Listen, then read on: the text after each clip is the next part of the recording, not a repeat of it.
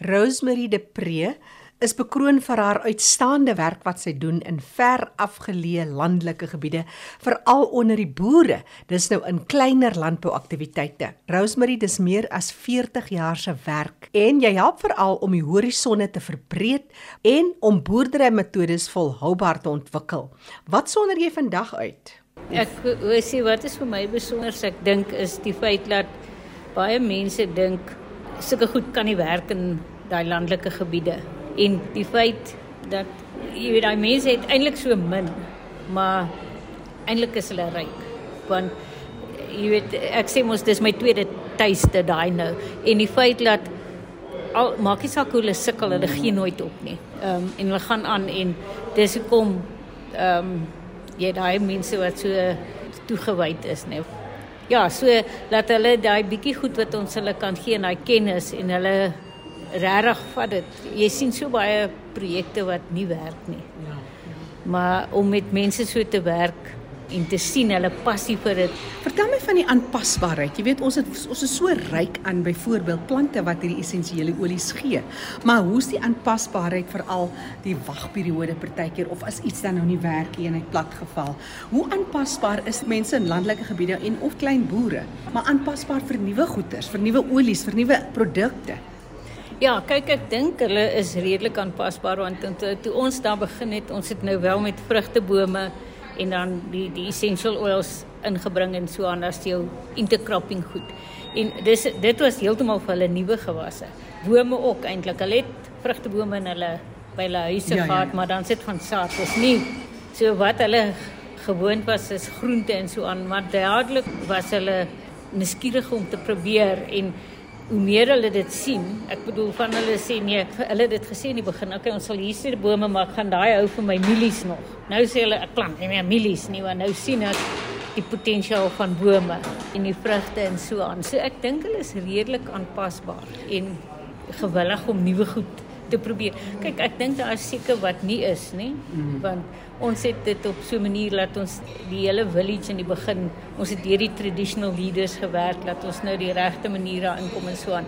En dan was dit hulle keuse of hulle dit wil doen. Dit is soos ek ook sê altyd 'n boer is gebore.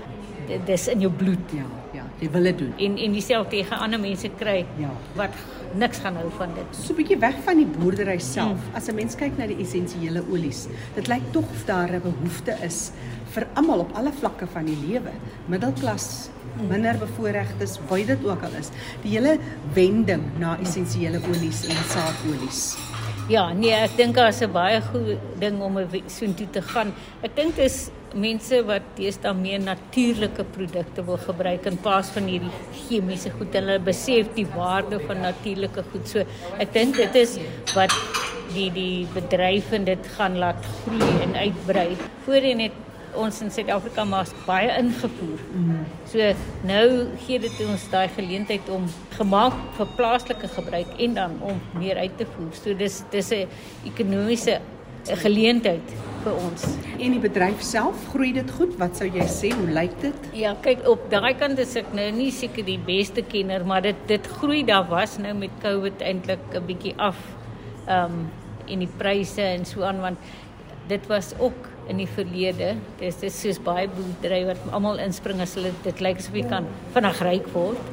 Maar natuurlik hoe meer die mense dit verbou, hoe normaler word die ja. prys, né? So, uh, dis ek ook sê so ek dink want ek het gesien party mense het gesê soos jou rose geranium se oliepryse het nou bietjie geval. Maar dit is nog steeds 'n winsgewende bedryf. Dit gaan net nie soos 'n get rich quick soos wat mense deesdae op met makadamia smaak. Maar as almal dit plant, gaan daai prys ook naderhand af en stabiliseer. So sou jy sê dat daar's nog opening in die mark is daar leemtes wat sou jy aanbeveel? Ja, kyk ek dink daar is nog ruimte vir vir uitbreiding en so aan en dis waar ek dink Sioupa baie belangrike rol kan speel want hulle ken die markte. As hmm. ons nou wil met nuwe goed begin soos in die in die villages en dit dan sal ek met Sioupa praat en sê watter goed is daar nou op hierdie stadium 'n aanvraag voor laat ons daai ja. eerste dan toets en dit. So dis waar daai samewerking baie waarde het. En die regulasies en die Ja, hulle ken al daai tipe goed op. Ja, daar is 'n reguleringssin en te sien wat is dit veral as jy nou wil uitvoer en so aan. En en kyk, dit is 'n 'n uitdaging vir mense in rurale gebiede om al daai goed sou te kom bykom, maar dis kom op hierdie stadium. Hulle gebruik hulle eie olies en maak dit in seep en kersse, want dit gee nog geleentheid in daai villages vir vir bietjie inkomste en so aan, né. So dan hoef hulle nie al daai vreeslike want dis vir plaaslike verkoop. praat bietjie oor die kwaliteit. Kan 'n mens maar Suid-Afrikaanse olie koop by kleinhandelaars? Wat sê jy? Ehm um, ek dink so dit hang af net sal ek sê wat jy wil voorgebruik want dit is ook een van die challenges. Dis baie duur om jou olie te ontleed uitvoer wat van die kleine boere wat ons mee gewerk het, hulle verskaf dit aan aromatherapist. En solank die aromatherapist wat dit is 'n rosemary olie, ek kan hom ry, dit is reg. Ek bedoel daar's nie gevaar in dit dan nie. Maar kyk, ek moet sê dis eintlik skerry, né? Ja, ja. Want Want jy kan eintlik nie Ja, vasstel. ja. Jy kan as Jy- gewone ou, jy ja, kan eintlik nie ja. vasstel. En ek bedoel dis op die rak in die winkels. Dis nie dit is maar sekere kans mm, is maar 'n risiko. ja dat mense dit uitbuit. want daar is mense wat dit uit. Ja, nee ongelukkig dis maar so in die lewe.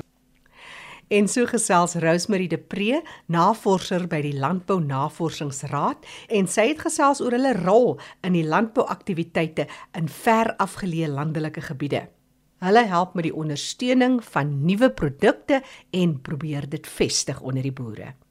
Ek is Jackie January. Groete tot 'n volgende keer.